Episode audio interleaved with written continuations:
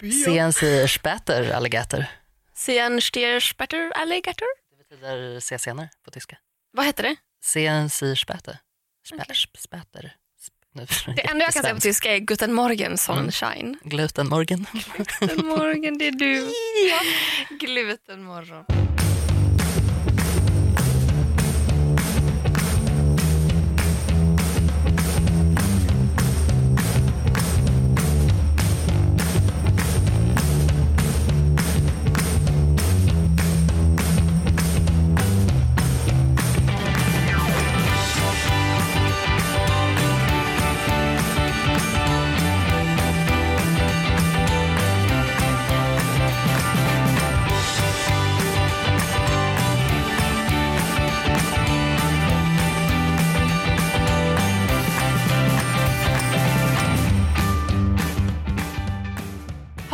du den här veckan? Eh, jag, jag mår ganska bra idag. eh, jag har haft en liten tung vecka bakom mig. Men, eh, och så här, jag har ju alltid nästan en tung vecka men, eh, på senaste tiden. Men nu har jag ju haft av en riktig anledning också som jag tänkte att vi kanske kan prata lite Mm. om eh, sen. Hur mår du? Ja, just nu mår jag väl bra. Men jag har också haft, alltså jag tror att vi båda har haft lite så här knäppa grejer som har hänt i våra liv Mm. den senaste veckan. Mm. Ska det här avsnittet handla om det kanske? Jag tror nästan att det får göra det faktiskt. Jag, jag känner att det, att det finns, finns ett behov av det. Ja. Mm. Vill du börja? Jag kan börja. Eh, det var ju en lite bizarr kväll för mig eh, när vi spelade in senast. Mm.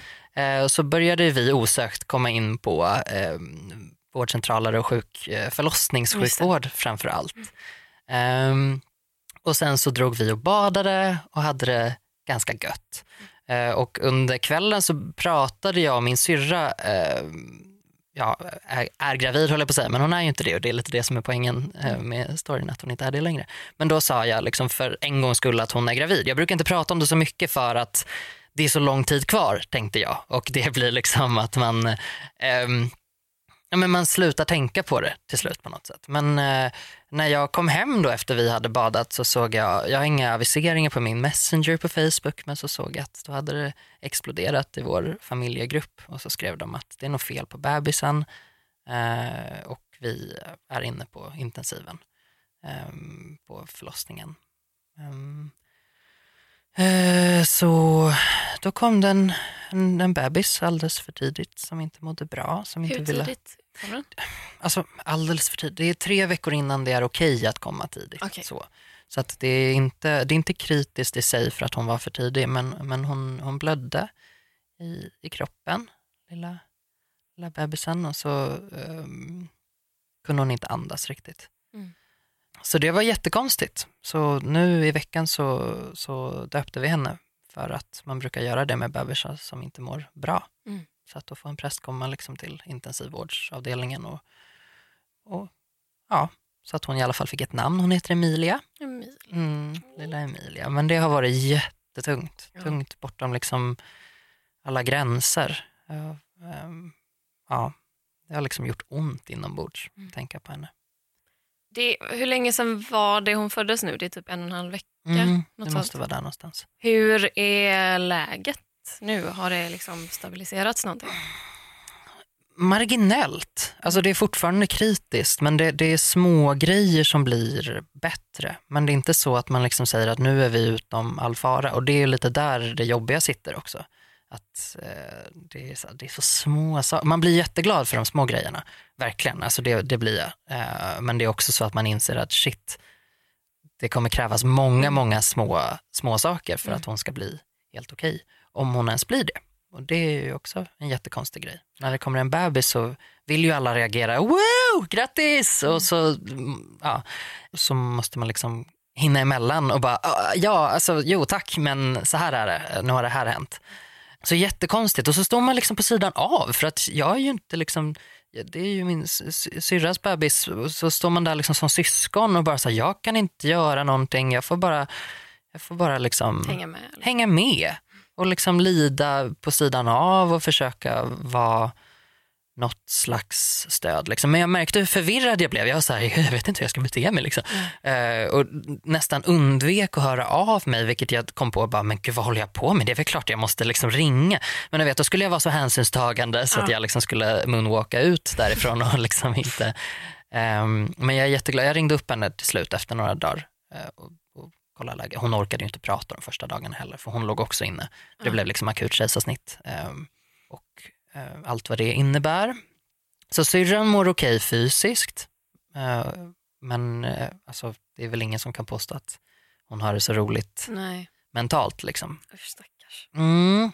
Fan, jag tänker bara som gravid eller nybliven förälder överlag, att det måste vara så så många orosmoment. Eller så är det bara mm. jag som bara är en paranoid person. Jag vet inte. Men det är någonting som skrämmer mig ja. med tanken med att bli förälder. Att jag hade varit bara konstant orolig. Att, att om man väl får ett barn, det, säg att det föds helt friskt, liksom, det blir en jättebra förlossning och allting.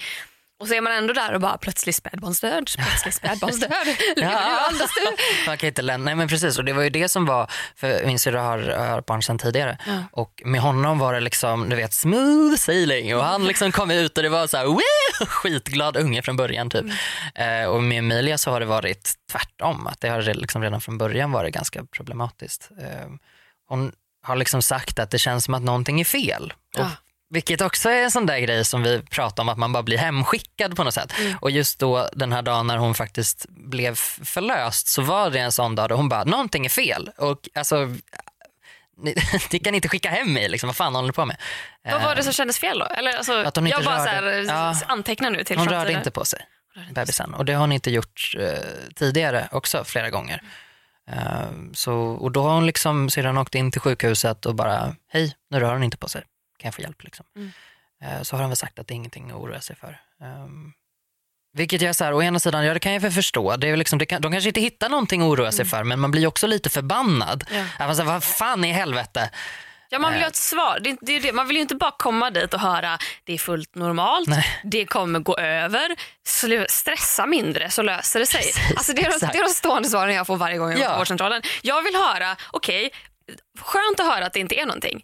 Men berätta varför det är så här. Kommer ja. jag dit med nässelutslag över halva kroppen som vi pratade om ja. i förra avsnittet. Då vill jag veta var kommer de ifrån. Precis. Jag vill inte höra stressa mindre så kanske Nej. de går bort. Jag vill att ni tar reda på källan till det här. Ja. För att det är inte normalt. Nej, precis. Och om hon känner att hennes barn eller fostret hon bär på eller vad heter det när det ligger i magen fast det är ett barn. Alltså heter det kanske barn då? Ja.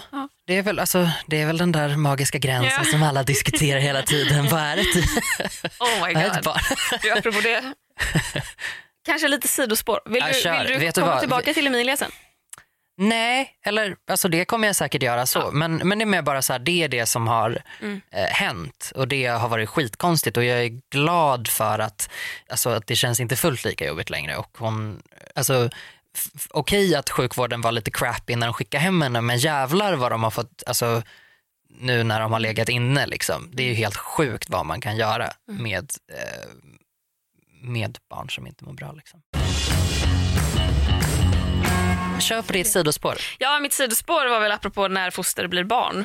Mm. Eh, vilket för övrigt är efter vecka 22. Eh. ja.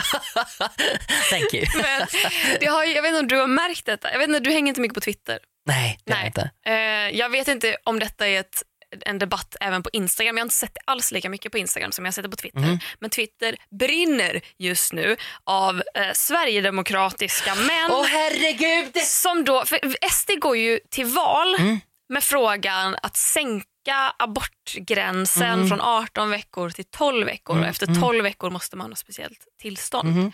Och Det här är någonting som om jag tänker på det, jag försöker låta bli att tänka på det, för att jag tror inte riktigt jag kan hantera det. Nej. Men när jag tänker på det, då blir jag så upprörd.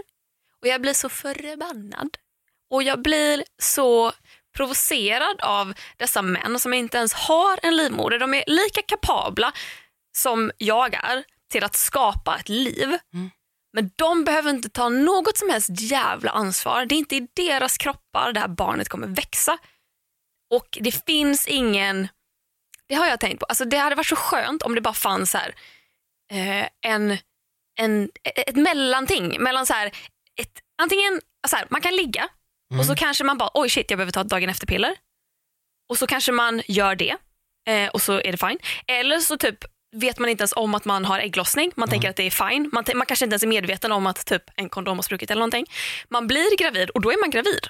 Och då måste man genomgå en abort. Det finns liksom inget mellanting där. Jag kan inte någonstans på vägen bara hoppsan, jag kanske är gravid. Äh, jag tar dagen efter piller, så här, Mm. månaden efter piller och så är det Ah. bara löst. Utan det är verkligen så här, Mm. måste... Är du gravid så är du gravid. Liksom. Ja, okej. Mm. Är man, är man det så så mellanstadie. det. Då måste Mm. jag åka in till sjukhuset. Jag måste vara där i en halv dag och blöda ut med hela mitt jävla innanmäte. Mm. Ja. Typ. Och det är också någonting som den personen som har liksom befruktat mig slipper.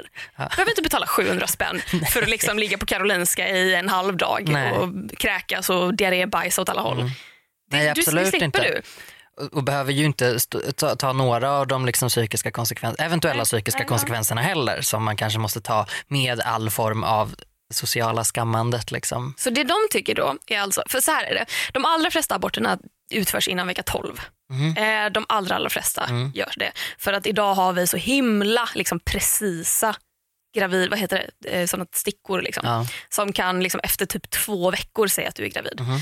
Problemet är väl att de som eh, utför abort efter vecka 12 det är personer med väldigt oregelbunden mens Mm. som kanske inte ens märker av att de är gravida för att mensen bara inte har kommit och det är helt normalt för dem. Det är också kvinnor som är de allra mest utsatta i samhället. Det är kvinnor med alkohol och drogproblematik, det är kvinnor som lever i fattigdom, det är kvinnor som lever i förhållanden där de blir misshandlade. Eh, och man bara way to go med att göra livet ännu svårare för de här. Eh, way to go med att göra, liksom ge för efter vecka 18, om man eh, vill göra en abort då, det är så ganska få som gör det, men de som gör det har ofta upptäckt liksom ett problem med fostret, att det är väldigt, väldigt eh, sjukt eller på något sätt. eh, Ja. Och då måste man ha särskilda skäl för att kunna göra en abort.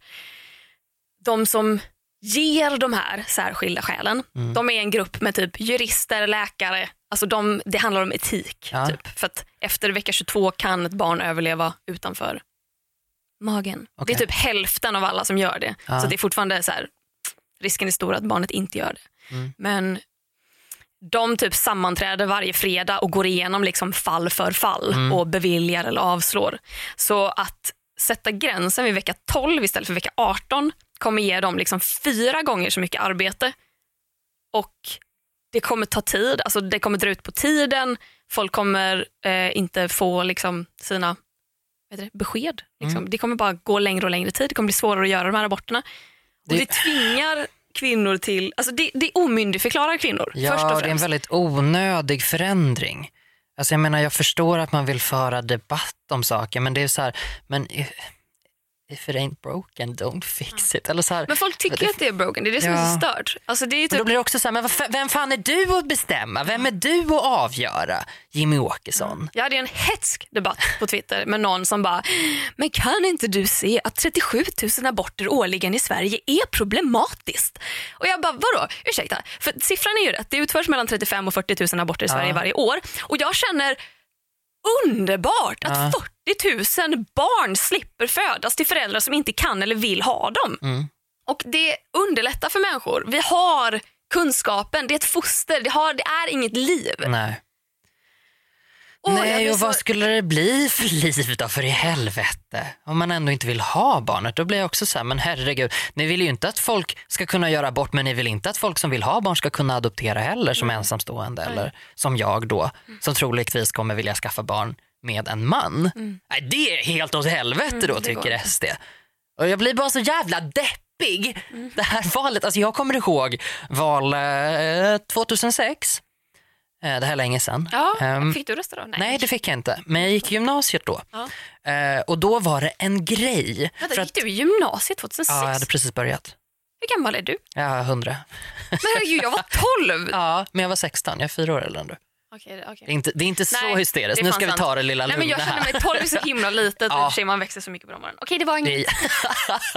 Nej, men det, det känns ju länge sedan när man tittar på utvecklingen också. Men då skojade man, alltså du vet, så som, man prat, så som vi pratade, jag och mina kompisar och det liksom mindset som sitter kvar i mitt huvud på något sätt. Det är att man skojar om det här. För då var det typ en procent på min skola och min skola var så här superkorrekt. Alltså den var verkligen, den var politiskt korrekt på tiden innan det var trendigt att vara politiskt korrekt. Alltså de tänkte verkligen på saker så, alltså det, här var ju, det här är ju liksom säkert fem år innan resten liksom av Sverige hakade på och bara åh hoppsan man kan tänka steget längre. Liksom. Det gjorde min gymnasieskola då liksom, och då skojade vi om att det var en procent av de här hundra eleverna som var, gick på den här skolan som hade röstat på SD.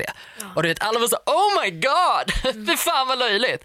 Och sen bara så här, när det eskalerade för då var det ett skämt. Alltså det, var, det var ett skämt på riktigt. Det var inte bara så här, som man, om man försöker skämta nu. Ja, vi kan skoja, men det är inte riktigt lika roligt längre för att nu har de rejäl makt. Mm. Nu kan de göra saker och det är inte vad som helst som de vill göra utan det är ganska sjuka grejer mm. som man med en snabb googling, go, googling, kan hitta. Det är inte bra grejer. Nästan Goebbels där, lite freudiansk fel. freudiansk, ja som fan alltså. Uh, nej men så liksom jag kommer ihåg också chocken 2010, för då fick jag rösta. Ja. Det var ju då de gjorde sitt inträde liksom, i riksdagen. Och jag och mina vänner satt, alltså vi var säkert ett gäng på tio pers, alla med olika nationaliteter för det första. Så alla har liksom vuxit upp med alla typer av förutsättningar och liksom kulturblandningar och hela skiten. Liksom. Världens finaste, gulligaste människor allihopa. Naturligtvis för att det var mina vänner. Alla mina vänner är svinbra. Nej, men vi sitter, alltså jag kommer bara ihåg hur vi sitter och skriker på tvn. Vi säger, vad fan håller ni på Vad, är det, vad fan är det som händer? När, hur, hur händer det här? Vad händer nu? Och liksom vi sitter där och alla är, hälften är hbtq också. Mm.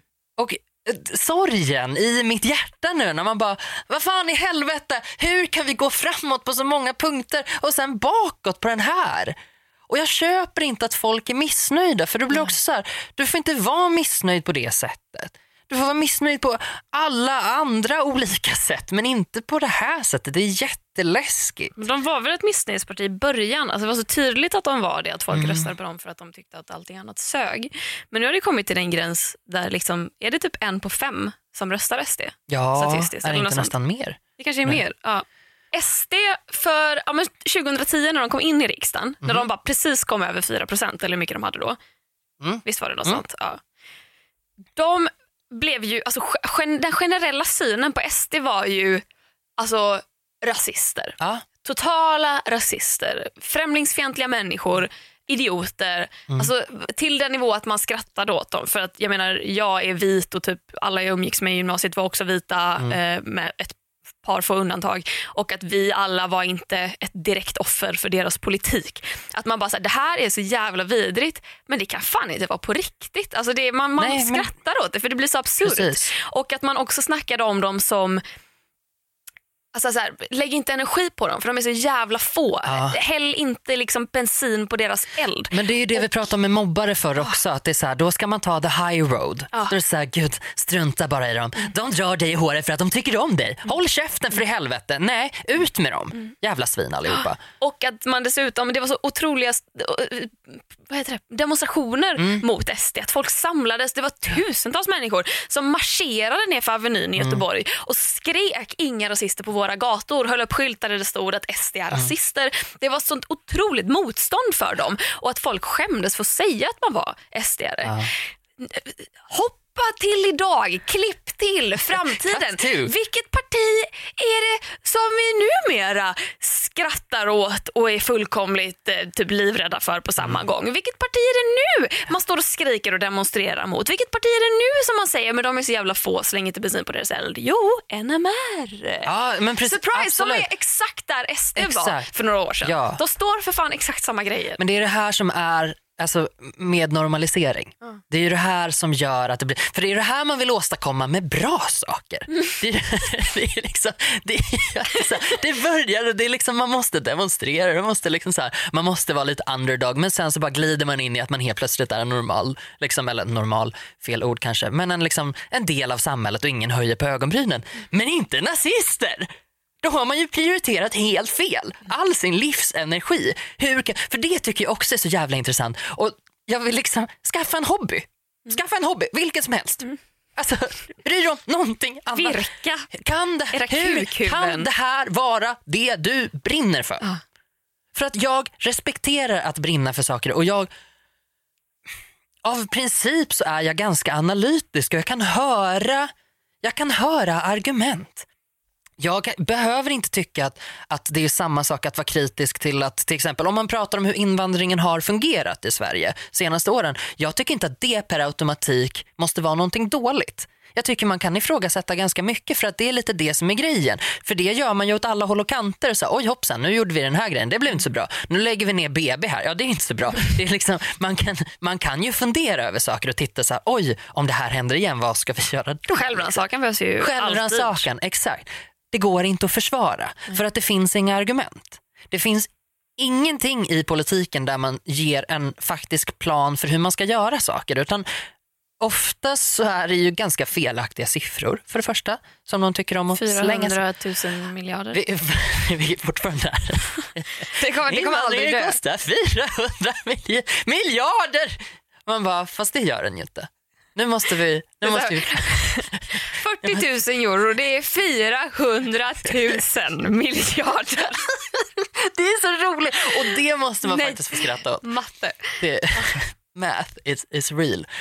Nej men för jag vill liksom så här, för att nu genom att liksom raljera på det här sättet, jag, tror inte, jag vet inte hur man liksom ska bidra till att det ska bli bättre heller. För att jag har testat alla former på något sätt. Jag har testat liksom att, att prata med folk om de säger någonting och så verkligen försökt bara nu ska jag möta det här med eh, liksom respekt och jag ska ha förståelse och lägga fram mina argument och lyssna på dens argument etc. etc. Jag hade en ascool eh, upplevelse en gång faktiskt mm. då jag liksom gick in i, um, jag skulle, min, min kompis hade eh, hennes pappa hade träffat en ny flickvän och då skulle jag följa med lite som så här liksom bara för då, när de skulle träffas första gången så skulle jag bara liksom så sitta med på middagen och så här, vara, vara en kompis. Och så här, eh, för mentalt stöd. Mentalt stöd. Då. Um, och det var en jättegod och trevlig middag och där någonstans eh, halvvägs in så börjar det väl kanske glida in ett lite så här nu får inte barnen vara utklädda till pepparkakor längre. Åh oh, nej! ja, nu får man inte ens sjunga nationalsången längre. Jag bara, mm. Men du vet, och då så gjorde jag så här. Då tog jag fakta och sa att men du, så här är det. Eh, och den här grejen var på det sättet och den här grejen var på det sättet. Och det är, liksom, det är okej. Eh, man, kan liksom, man kan få ställa sig till de grejerna men det som du beskriver, så var det faktiskt inte. Eh, och så blev jag så här, du vet, och så fick jag bara skamångesten över mig efteråt. Jag bara, gud vad jag var otrevlig och jag bara kände mig så här, oh, kunde jag bara liksom ha så här, haha, ja så kan det ja. gå och gått vidare med mitt liv. Eh, men Eh, sen så fick jag höra att den här nya flickvännen då sa till min kompis att han är en av de smartaste människor jag träffat någonsin. Va? Jag har aldrig tänkt på det på det sättet. Wow! Alltså, det är helt fantastiskt. Ja, men det var så fint och där var det också så här då jag kände bara vad skönt det var att jag kunde liksom så här, göra någonting. Men den är så svår. Alltså den är så otroligt svår att angripa, att försöka bemöta folk med typ rasistiska åsikter. För att å ena sidan eh, i typ vintras någon gång så var jag på en födelsedagsfest, hamnade i köket, började typ prata med eh, såhär, ett, såhär, två av mina kompisar och en kille som jag inte kände. Och killen bara slänger ut sig att såhär, Alexander Bard är en av de mest intelligenta och underskattade människorna. Oj! Eh, ja. Och jag, det är ett sällskap där jag bara utgår från att alla är die hard feminister ah. liksom, som är pålästa. För yes. det känns som det. Och jag tror att han var någons pojkvän typ, som mm. var där ihop med henne. Eh, och att, alltså, Alexander Bard är en av Sveriges absolut mest underskattade och han är Sveriges mest intelligenta person. Och jag bara, eh, okej, okay. eh, kan inte du utveckla lite? Och så skulle, han förklara att så här, jo men han säger att Sara Larsson är en hora. Det han menar är, och jag bara men vänta lite nu. Alltså han, på han för, vänta. Jag har så svårt att greppa det här. Vad, är, vad håller han på med? Och det här blev, jag försökte verkligen approacha detta med ett lugn. Mm. Men du vet när man är lugn och till slut börjar man prata så här för man känner att jag har så mycket att säga ja. och jag försöker verkligen behålla mitt lugn och jag spänner blicken i det nu för att jag är så man, jävla upprörd. Man är mammalugn, man försöker ja. för sitt liv. Jag är inte arg, jag Nej. är besviken. Jag är bes exakt och så försöker man liksom, men snälla du när du slår mig så gör det ont. Alltså, och ungen fortsätter också. slå. Jag, pra jag pratar ganska lugnt men jag, man hör på rösten att jag inte är så jätteglad. Är inte så lugn helt enkelt. Men då i alla fall, eh, efter eh, eh kanske en, en kvarts diskussion om det här. Mm. Och Jag la verkligen fram argument. Jag förklarade könsroller för honom. Han var bara så här, men jag kommer från en familj där min pappa är alkoholiserad och min mamma bryr sig fan inte om mig. Och hur kan du ha det, som kvinna ha det svårare än vad jag har haft det? Och jag bara, jag har antagligen haft det jävligt mycket lättare än vad du har haft det. Det är inte, inte det det handlar sak. om. Nej. Det är inte det det handlar Nej. om, men det handlar om, liksom, ja, du förstår. Mm. Och där någonstans så stormar killens tjej in i köket och bara “Där är du! Och vad fan håller du på med? Jag har ju sagt att du inte får prata om såna här grejer!” Klara, han är jättesnäll i vanliga fall. De är inte ihop idag. Nej. Men då fick jag i alla fall, för då skrev hon till mig dagen efter och bara “Hej Klara, alltså förlåt å min pojkväns vägnar. Mm. Eh, jag, han berättade vad ni hade pratat om och jag eh, var väldigt arg på honom hela den kvällen för att det inte är åsikter jag delar. Eh, däremot sa han när vi kom hem att han tyckte det var att han tyckte att du hade många vettiga poänger och att det var skönt att prata med någon som, som hade argument och som inte bara mm. dumförklarade honom. Nej. Och jag bara, ja, för, för det, det, då betyder det att han har typ hört vad jag har sagt. Men det tror jag också är det svåra med, med sociala medier. För att det är en sak nu då när vi har träffat människor eh, ansikte mot ansikte och kunna prata och då kan man kanske hålla det lugnet på ett annat sätt. Mm. Liksom. Men det är som att på, på webben, mm. där finns det ju inga regler. Där, och, och, och, liksom inte åt några håll och kanter. Utan det är liksom, Så länge du inte visar en bröstvårta. Ja, en nej, kvinnlig bröstvårta. Enda regel. Nej, att du ens säger det. Vi måste ju blipa det där Klara. För helvete. Regel nummer två. Följ alltid regel nummer ett. ja, ja, det där tycker jag är så problematiskt själv för att mm. jag vet liksom inte, jag kan inte komma, jag skulle så gärna vilja komma på en lösning. Så här måste vi bete oss för att få det att gå vidare. Men, men alltså det är jag, lite... jag har testat att vara arg, jag har testat mm. att vara pedagogisk, inget funkar. Alltså Nej. de här diskussionerna, för att det jag skulle komma till med abortgrejen är att jag kan typ inte gå in i mina mentions på Twitter för att det är bara rassar och SD ja. som argumenterar för att jag mördar barn genom att vara för abort. Mm. Man bara såhär, ah, de vill inte förbjuda abort, de vill sänka gränsen. Folk kommer fortfarande inom citationstecken mörda barn. Ja. Men det är inte det det handlar om era jävla dumhuvuden. Så att, eh, jag har ju försökt bara bemöta vissa för jag känner att så om jag bara är tyst så kommer det se ut liksom, utåt sett som att jag inte har några argument och det vill inte jag att det ska se ut som. Så att jag försöker ändå bemöta de som kanske formulerar sig bäst och inte mm. bara förolämpar mig. Mm. Um, och det går inte. Alltså, och, jag, och, Det är inte bara så att det inte går att nå fram och att de fortsätter kläcka ur sig IQ-befriade argument. Utan de har verkligen argument som någon står bakom. Mm. De tycker att det är problematiskt att kvinnor gör så många aborter. De tror på riktigt att om vi sänker gränsen så kommer kvinnor inte göra lika många aborter. Nej. De kan inte se hur kvinnor skulle sticka upp liksom en galge i underlivet och försöka få ut fostret själv. Det Men de förstår inte. ju inte att det är därför läkarvården ja. finns. För att man ska undvika att göra sådana saker. Jag delade någonting med Gudrun Schyman liksom, där hon debatterar mot Paula Bieler. Bieler vad heter hon? Bieber. Bieber. Eh, och verkligen oh, så här, ja. är... är det, det är gammalt? Nej, Eller? det är nu från Almedalen. Ja, Oj, det, det Gudrun är väldigt, eh, hon är väldigt arg märker man för hon avbryter Paula ett par gånger. Ah, okay. Och där känner jag att fan hon hade vunnit på att bara ah. låta henne prata för hon har bättre argument. Ah. Eh, och hon får liksom typ tre applåder för att hon bara sätter huvudet på spiken flera gånger och det är riktigt bra. Mm. Jag tyckte det var riktigt bra. Den gick ju inte att dela utan att bli fullkomligt jävla jagad mm. av rassar. Och eh, folk är liksom på riktigt så här att genom att eh, dela lika på föräldraledigheten mm. som liksom enligt alla undersökningar kommer både skapa ett mer jämställt hem, kommer skapa en jämställd relation och jämställt ansvar över barnet, mm. kommer öka kvinnans framtida årslön med 7 mm. för varje månad som pappan är hemma. Mm. Kommer verkligen så här, är ett stort och bra steg mot jämställdhet. Det tycker de är att inskränka kvinnans rätt att vara hemma med sitt barn.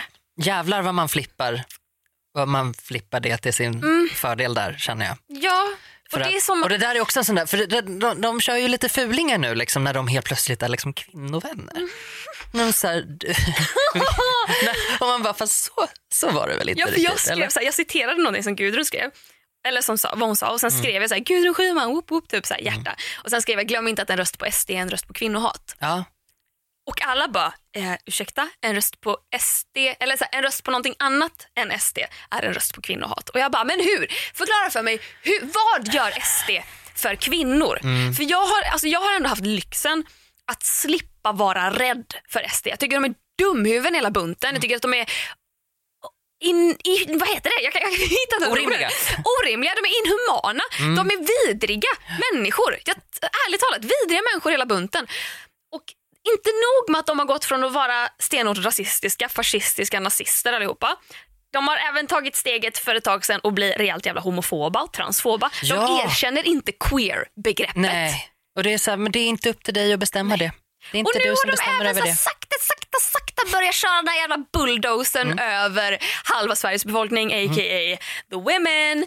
För att nu är vi tydligen också fel. För nu ska vi tydligen stå hemma vid spisen och ta hand om barnen och tjäna mindre än männen och de vill återinföra vårdnadsbidraget eller beskattning, vad fan nu heter. Åh, Alltså, ja, och det blir ju lite korkat. Jag tänker också så här när man pratar om andra partier. Jag kan också känna att jag, det har spårat lite grann. Jag kanske inte tycker att det är så många som har så himla bra eh, idéer om hur man liksom ska ta sig vidare från var vi är nu någonstans. Eh, Men det, jag tycker inte det är samma sak. För jag tycker att de har i alla fall ideologier som inte Exakt. handlar om att vissa människor är bättre än andra. Nej men precis, och det, för det är där det skiljer sig för mig. Och sen att man försöker applicera någon slags politik på det. Jag vet inte, jag, jag tycker inte riktigt det. Det är på samma sätt som jag tycker inte att, eh, liksom, jag, jag skulle inte tycka att Hitler var en politiker på det sättet. Så. Jag skulle inte liksom, jo men just det, han var politiker. Det skulle inte vara liksom det första jag skulle säga för att Go-to beskriva honom. Nej. Nej men precis. Vad hette den där politikern Han. som levde på 30-talet? Eh, Ja. Jo, Adolf. Adolf. Adolf ja. Doffe. Men är inte det märkligt ändå hur man kan ha Alltså man kan ha en ideologi, man kan tro på alla människors lika värde, man kan tro på medmänsklighet, man kan tro på behandla liksom din nästa så som du själv vill bli behandlad. Alltså den här vackra, vackra som alltid har varit någon form av gyllene ledord för modern mänsklighet. Mm. Ta hand om dina medmänniskor, Mm. visa respekt. Mm. Gyllene regeln. Mm. Hur, oh, den lärde man ju sig typ ettan. Allt vad du vill att andra ska göra för dig, det ska du också göra för Ja. dem. Det är så jävla religiöst, men det är så jävla fint Men också. alltså- Och här kommer då ett parti som verkligen är Nej, vår ideologi är motsatsen. Mm. Vi tror på att den vita mannen är mäktigast och vi tror att kvinnor ska stå vid spisen. Vi vill inte ha några jävla icke-vita i det här landet och alla och sen som att man, inte... snor, att man snor då vår, säger jag som feminist, vår retorik med att de- nu ska beskydda någons rättigheter. Vi skyddar kvinnans rättighet att ta ut si och så mycket föräldraledighet. Men bara fast... Nej, vår, vår retorik, våra ord får inte du ta. Nej. Det blir, liksom, det blir bara liksom en jätteful pinkwashing av alltihopa. Liksom. De är också, men det är inte det de är proffs på då, att de verkligen de målar upp ett problem Mm. som i själva verket bara gynnar de som saker alltid har gynnat, det vill säga straighta vita män. Mm. Så här, hade jag varit man, Mm. då hade jag, Clara Henry med Henry. Clara. Henry Clara. Klara som efternamn. Först och främst, hade jag varit en straight man i ett förhållande med en kvinna och vi haft ett barn ihop, det är klart att jag hade velat att min kvinna, höll jag på att säga, men Oh, Nej, men det alltså- börjar redan! Förvandlingen har hänt! Nej! Ah! Nej! Klara kom tillbaka! Nej men du förstår vad jag menar. Alltså, min, min fru, min, kvinnan jag lever med. Åh, jag är ju hennes man då alltså och Ja. hon är min kvinna. Ja. Och du förstår vad jag menar, herregud. Ni varandras. exakt, exakt. Eh, klart att jag vill då att kvinnan jag lever mitt liv med ska ha chans att göra karriär. Det är Mhm. klart att jag vill att vi ska dela det, det är klart att jag inte skulle förminska min egen kapacitet att ta hand om ett barn genom att säga att hon är kvinna hon är bättre lämpad. Mm. Alltså en av fem män har ingen nära vän att prata med Nej. om typ känslor eller saker som är jobbigt. Alltså en av fem män har Det är så ingen nära vän. otroligt många. Förstår du hur sjukt det är? För att män Är inte det snackar precis känslor. samma, nu- det är precis samma nummer som Sverigedemokraterna i Sverige? Is it a coincidence? I think not. Oh, damn. Mm. Samma sak, KP gjorde en undersökning för ett par år sedan. De frågade barn typ 10 år. KD. Vem? KD. Gjort en undersökning. Aldrig gjort en undersökning i sina liv. Åh nej. nej men KP, Kamratposten. Mm. Frågade 10-åringar, vem pratar du med när du är ledsen? Och typ så här, jag vet inte, 47 procent svarar min mamma. Mm. Och sen så bara går det eh, liksom, allra flest svarar mamma, nästa svarar en kompis, nästa svarar en lärare, en kurator. Det bara så att trappas ner. 10% svarar ingen. Mm. 5% svarar pappa. Nej, men. Vill man vara den pappan? Mm. Alltså hade jag varit farsa, hade jag varit vit straight farsa, jag hade fan stått på barrikaderna. Jag hade fan inte hållit käft. Mm. Hur kan pappor inte se sin egna roll i det här? Hur kan pappor inte tycka att det är viktigt att vara bra föräldrar till sina barn? Hur kan pappor inte vilja gynna sina egna hustruar, fruar eller sambos eller kvinnor och liksom få dem att göra karriär på samma sätt som de själva alltid har haft den givna möjligheten till? Men kan du bli arg på att, att när... Jag blir fan arg på allt! jag också. Jag har inga ord. Jag, för jag kan bli arg på eh, hur jävla mycket uppmärksamhet de här männen som ändå gör det här får jämfört med alla, alla andra. Ja, ja. Det blir så här, ja, nej men att det blir en sån jävla stor grej så fort en snubbe inser det här. Mm. Man bara, fast det är ju liksom 500 000 tjejer som har sagt det här innan. Mm. Det, det blir jag ganska förbannad på. Alltså pappor som typ får en dotter Alltså och inte bara just, inte, ja men nu inser jag att alla är lika mycket värda. Typ. Ja. Tjejen står bredvid och bara, vad fan, ursäkta, vi har varit ihop i tio år. ja, ja. I dump you. Nej, ja, ja men precis och att liksom alla bara gud vilken bra man. Och man bara ja en alldeles tillräckligt bra man. Han är inte liksom extra bra för att det här är ju det som är grejen. Det här ska ju vara normalnivån. Han, alltså så här, det, det ska inte vara liksom ett, ett extra plus på något sätt. Det ska ju vara ja, nu är du på normalnivå. Varsågod, Exakt. liksom, välkommen till, till vår Välkommen del till lekplatsen. till lekplatsen. Ja men exakt. För det kan jag bli lite förbannad på. Ibland också om jag tänker så här, folk som är så jävla allierade med hbtq. Att jag är så här, "Ah, fast det, nu är det, det är vi. Det, nu är du, du får vara allierad men du får inte vara, du, du, du får liksom inte ta över hela, hela kakan här. Får inte gå näck i Prideparaden Nej, det med regnbågsflaggan målad på kinden. Precis. Det Det är är upp till oss snuskiga, snuskiga homos. Apropå Pride-paraden, det är ju fan mig ett av mina liksom, största så här, moments eh, ändå i, i min bögkarriär. När jag gick i Pride-paraden och jag hade åkt dit, jag var ganska liten, jag tror att jag var 17 eller 18 och så åkte jag dit och så sa jag inte till mina föräldrar att jag var där för jag I Stockholm alltså. i Stockholm, precis. Ehm, och, eh, och det var liksom en grej och du vet och jag som är så himla duktig mådde ju jättedåligt över att jag hade ljugit för dem liksom. och det var verkligen så här, Fy, ja, så oh, ja, nej, men det var, det var, liksom, det var svinjobbigt. Så här, telefonen ringde, mamma bara, var är du någonstans? Jag bara, jag är i, ja, jag bara, ja det kan man fråga sig. Det, jag jag är Norrtälje. Eh, alltså, och, så, fan gör du i Norrtälje? Så här, ja det kan man också fråga sig. Jag har inte en dildo på huvudet mamma. Jag har inte det. Precis, jag lovar. Sånt? Det, men det hade jag. Eh,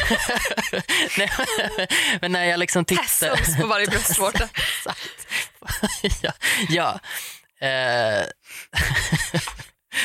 särskilt jag som är liksom så himla extra på det sättet. så kommer där i mina naturfärgade kläder Eh, och tassels. Ehm, nej men eh, det var så jävla magiskt att se sig omkring och inse att alla som står här runt omkring, alla föräldrar, alla som gråter, skrattar, skriker och bara har, alltså man, det finns en sån energi i att se det och jag behövde verkligen det som 17-18-åring. Och jag är jävligt glad att vi har den energin att vi kan få skörda lite av den om så en jävla vecka om året för i helvete. Eh, det behövs. Man behöver det. Vi behöver se varandra. Vi behöver se. Och nu, jag behöver se också allierade naturligtvis. Jag behöver se alla som på något sätt är med på tåget. Jag orkar inte annars. Alltså jag klarar inte av det. Jag, jag känner att nu när, när läget ser ut som det är nu så måste jag typ överkompensera med Drag Race. Alltså jag måste säga, jag måste vrida upp volymen och bara liksom kolla om avsnitt efter avsnitt efter avsnitt bara för att jag behöver det här för att den här bruna politiken kommer närmare och närmare. Och då vill jag bara reflektera eh, liksom prideflaggan tillbaka. Där det är alla färger. Alla färger ska få vara med. Vadå, vänta, har det varit något annat? Eller va? Nej, Nej. nej men det är det jag Nej, menar. okej, ja. Alltså det, det är jävligt mycket trevligare att titta på en, en, en liksom ett kaleidoskop av människor. Mm. En massa av nassar. Med de här vita skjortorna och... Ja, för att... Gröna flaggorna. Exakt, för de, Sorgliga, de är ju sorgliga. på G. Det är liksom, ja okej, nu kan väl någon säkert argumentera för att SD har förfinat sin politik, men det är fortfarande, det kommer ju liksom en svans efteråt också. Det är inte bara så, det de kanske är helt rumsrena och har liksom så här utvecklats enormt mycket om 50 år. Det har väl alla gjort. Många partier har väl förhoppningsvis utvecklats sedan andra världskriget till exempel. Där man kanske hade lite skitiga åsikter men mänskligheten går vidare och man lär sig av det. Liksom. Eh, Men det är ju framför allt svansen som jag är orolig för. Att det är så här, de lägger ju ribban och då kommer, då kommer de här ri- riktiga nazisterna säger jag med citationstecken, liksom, de kommer ju efter och då är de okej helt plötsligt. Ja. För att nu har de liksom fått lite bjudits in i, i, i rummet. Och, och jag tycker inte att det riktigt är samma sak som att ta debatten på något sätt. Att, Hur mycket man än snackar om att de har liksom blivit folkliga och de har liksom mer frågor än bara invandringen och liksom att de är mer hemma. Alltså de, nu har de ju tyvärr, eh, men en given plats i svensk politik. Att man kan Mm. inte längre bortse från dem. Alltså tvärtom, de styr hela eh, diskussionen. Faktum kvarstår ju, alltså hur, hur helylle Jimmy än är och hur många jävla program han får lov att vara med. Alltså, det, det kan också göra mig så jävla förbannad. Hur typ så här, han bjuds in i sammanhang där han slipper prata om sin politik. Alltså jag tror jag har sett var han inte med i Värvet? Exakt. Mm. Han var med i Värvet, han har märkligt. gästat eh, Johan, eh, som jag tycker jättemycket om, ska säga så. Men eh, vad heter hans kanal? Eh, Matgeeks Ja, Youtube-kanal där de lagar mat. Och han, skrev, han har ju träffat varje partiledare Mm. så det är ju inte bara det att han bjöd in Jimmy. Men de lagar mat och pratar typ inte politik. ja. Och eh, han eh, hängde med hon Lucy på Metro. Alltså, han dyker ju upp lite överallt. Men det, när han typ slipper stå till svars för sin vidriga politik. Han blir lite, lite mer kompis. Han blir som en bamse med folket. Att så här, kolla, han är inte bara rasse. Nej. Han kan vara mysig Tänk också. så mycket mer man kan vara ändå.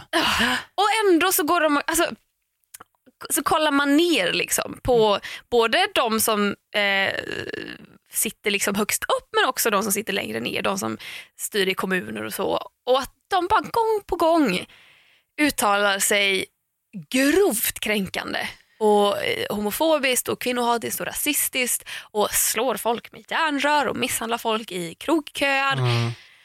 Det är... Det är... ah, jag vet inte. Jag, Nej, har inte. jag tror inte jag har ord för det här. Alltså jag, det blir för mycket att ta in. Och kan vi, kan vi bara jämföra järnröret med Toblerone? Eh, att järnröret har ju gått över på något sätt. Ja, Toblerone kan man fortfarande höra lite då och då. Man bara, fast herregud. det är ju lite bisarrt. Men om en kvinna gör någonting fel, om en kvinna så mycket som handlar fel på fel kort.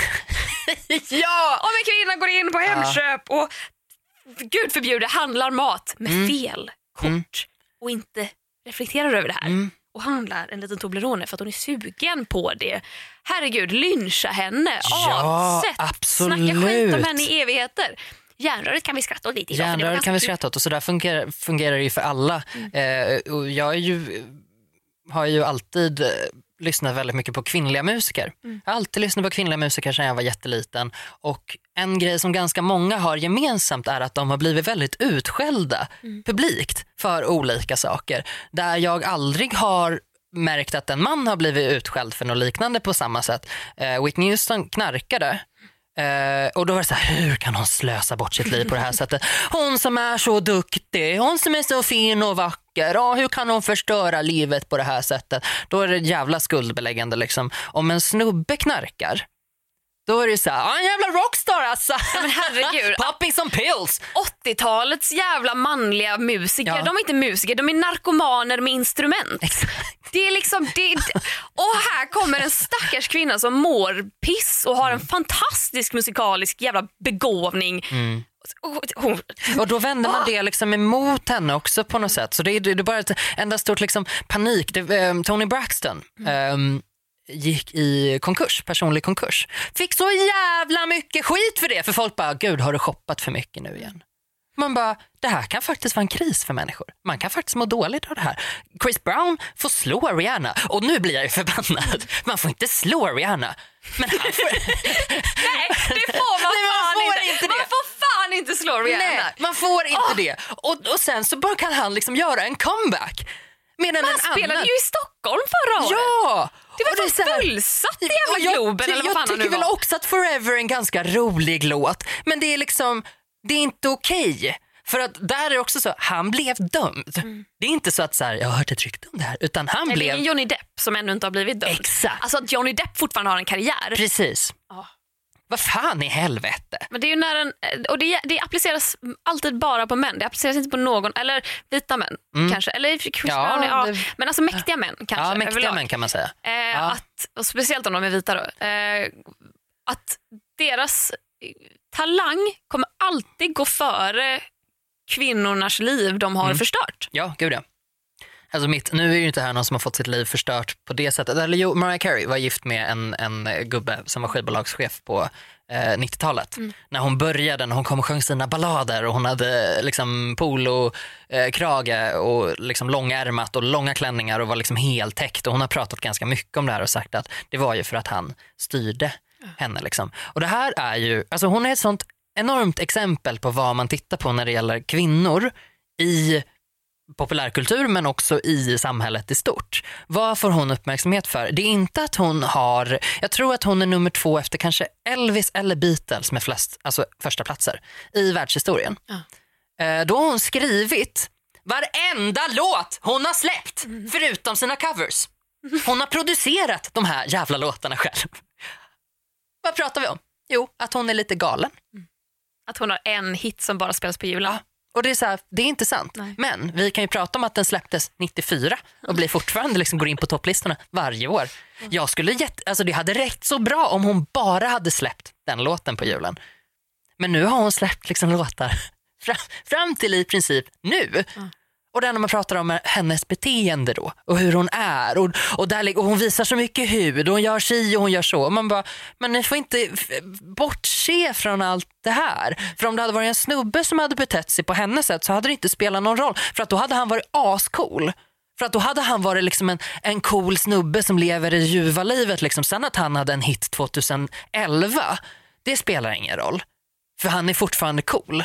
Han är liksom, ja, Pitbull är väl faktiskt ganska framgångsrik säljmässigt. Men det är liksom så här, det, det, man kan liksom göra en grej som snubbe och så lever man hennes liv och liksom här ganska öppen med att man spenderar mycket pengar och det är, liksom, det är väldigt flashigt och man har grills och hela grejen.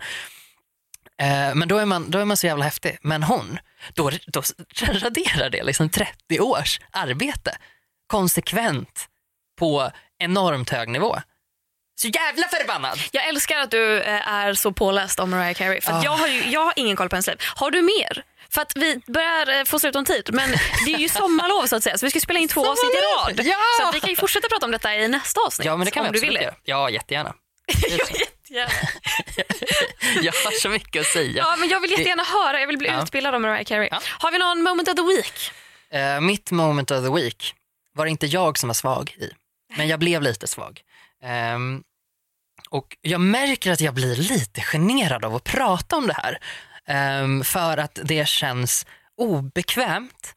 Uh, men jag brukar gå i princip samma väg till jobbet varje dag och på väg till jobbet så brukar det sitta en kvinna utanför en port och uh, när jag ser henne där så brukar jag ta med henne och så får hon liksom köpa mat. Och det här tycker jag det här är det som är obekväma för jag vill liksom så här, jag vill inte alltså förstår du när man säger jag är en sån god människa som jag gör så här utan nej det här är bara en sån grej liksom som Du lägger inte upp det på Instagram efteråt? Så. Nej, det gör jag inte. Nej, det ingen story när du det köper mat till en inte just då, jag lägger upp det mesta annars. men inte, inte just det här.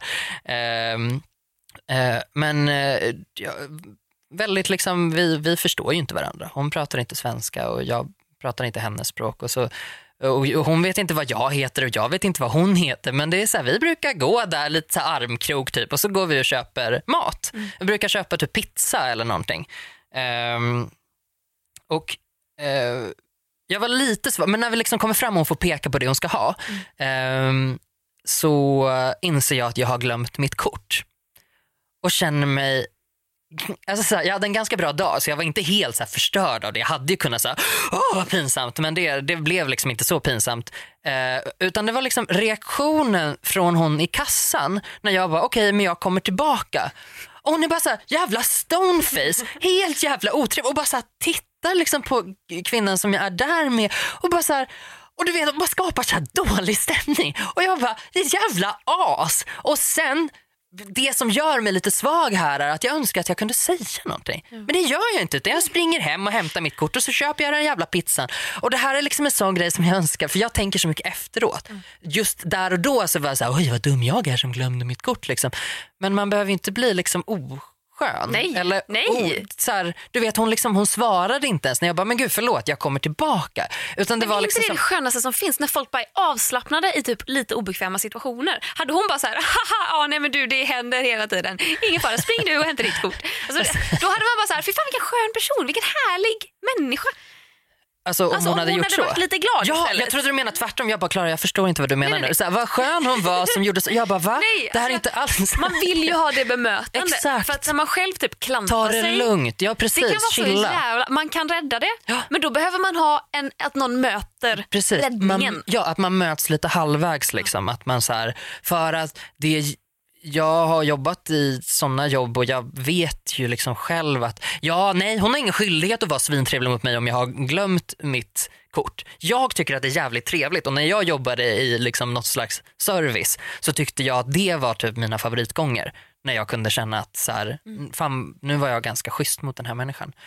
Eh, men det var liksom, jag blev arg på mig själv för att jag inte hittar, jag finner mig inte i sådana situationer. Det är så sällan som jag vet vad jag ska säga. Det kommer efteråt. Jag är mycket bättre på att skriva saker. Skriva saker kan jag göra hur fort som helst men säga det och särskilt där in the moment för att jag måste processa saker så himla mycket vilket då kan förstöra.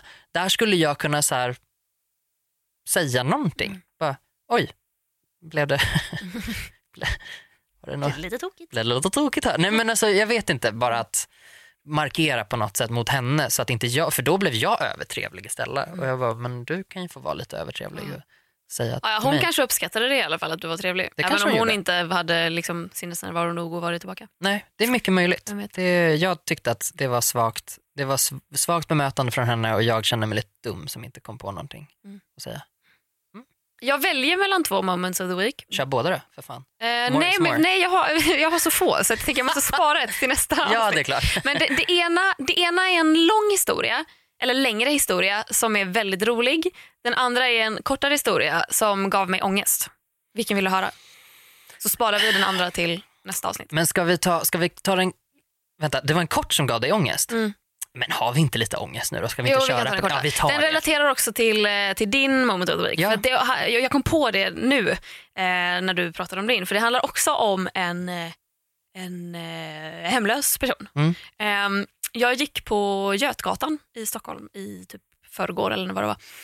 Skulle träffa Johanna och eh, ser typ så här 10 meter, jag, lite så här snabba steg man har lite bråttom. Ser typ 10 meter framför mig så går det en kvinna och typ tittar ner i sin mobil och det går en romsk kvinna bredvid henne. Mhm. Och eh, är så här, ganska på typ. Mm. Och hon liksom viftar bort henne och bara säger nej tack, så här, tyvärr. Eh, och då ser jag att hon ser mig, liksom, för jag ska verkligen gå rakt Mm. förbi den här kvinnan som hon pratar med först. Eh, och jag, du vet, så här, när man har lite mindsetet att så här, okay, jag, vet, jag har inga mynt på mig, jag har inga Mm. kontanter på mig, jag har lite bråttom. Eh, typ, ibland kan jag typ så här, köpa en korv typ, Mm. om någon frågar mig men man har inte alltid lust med det. Alltså, man Nej. typ orkar inte bemöda sig för att man är typ självisk. Mm.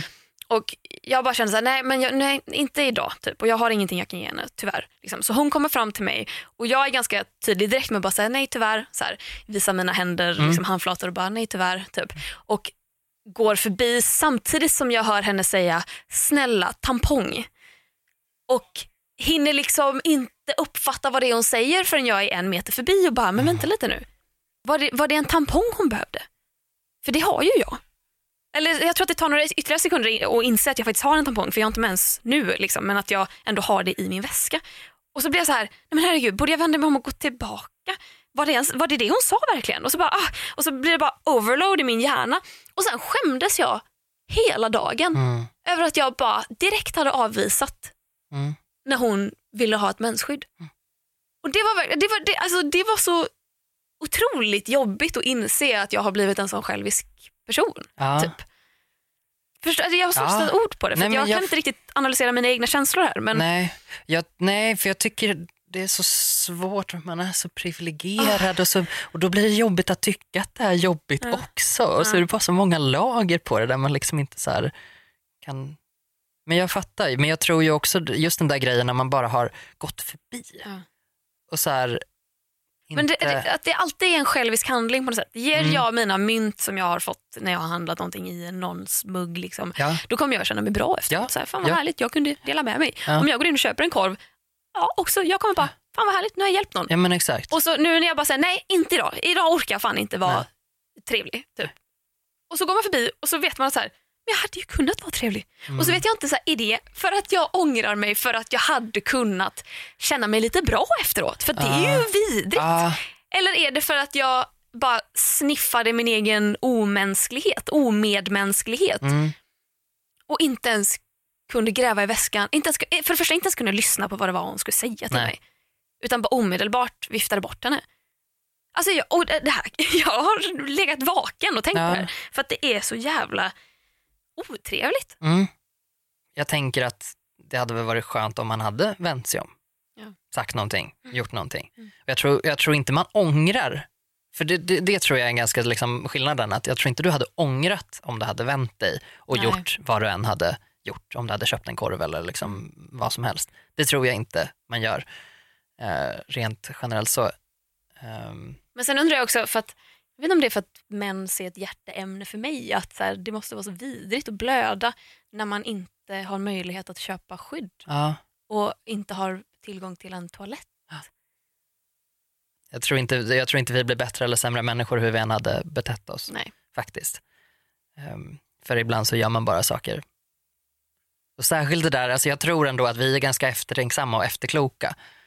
Och den är liksom lite svår, för då krockar, för mig kan det krocka liksom när att jag kommer på någonting några meter efter, ja men då slår min så sociala spärr igång Mm. istället och jag blir så här, nej men gud hur ska jag säga det här, hur ska jag liksom föra upp det här på tal? Man bara, det har gått en sekund sedan det här hände, du kan bara vända dig och säga, du förresten.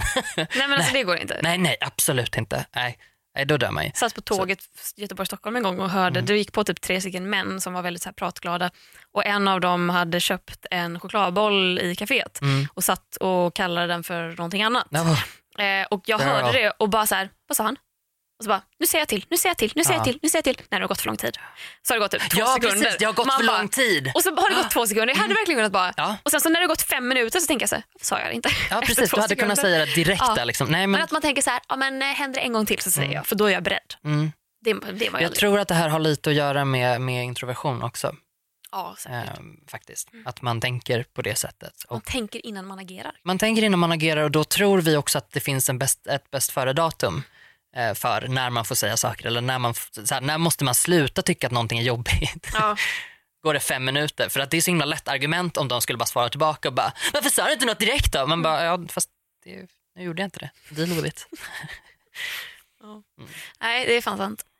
Ska vi, Ska vi ska eh, vi runda av med den mic-droppen? Ja. Ja. Jag tycker alltid det är lika svårt att avsluta det här. Jag Det eh, tycker nog inte att det är så svårt men jag tror jag har blivit lite lat också. Jag bara låter dig avsluta varje gång. Ah, så kan det vara. Ja, så jag tänker så här, nu avslutar vi den här skiten Klara. Nu tar jag kommando här. Yes! Ja, vad härligt. Vad skönt. Ja, så tackar vi för den här veckan och det här avsnittet. Tusen tack. Jag tackar I Like Radio för att vi får hänga här. Wow, du tar verkligen, nice. du, du kör. Ja, då. ja, Ja, för fortsätt. fan. Tackar I'm a Like pro Radio. nu. Ja. så hörs vi. Tack Rickard Nilsson också. Ja, förlåt. Fan, Nåväl, vi hörs om en vecka. det gör vi. Hej då. Hej.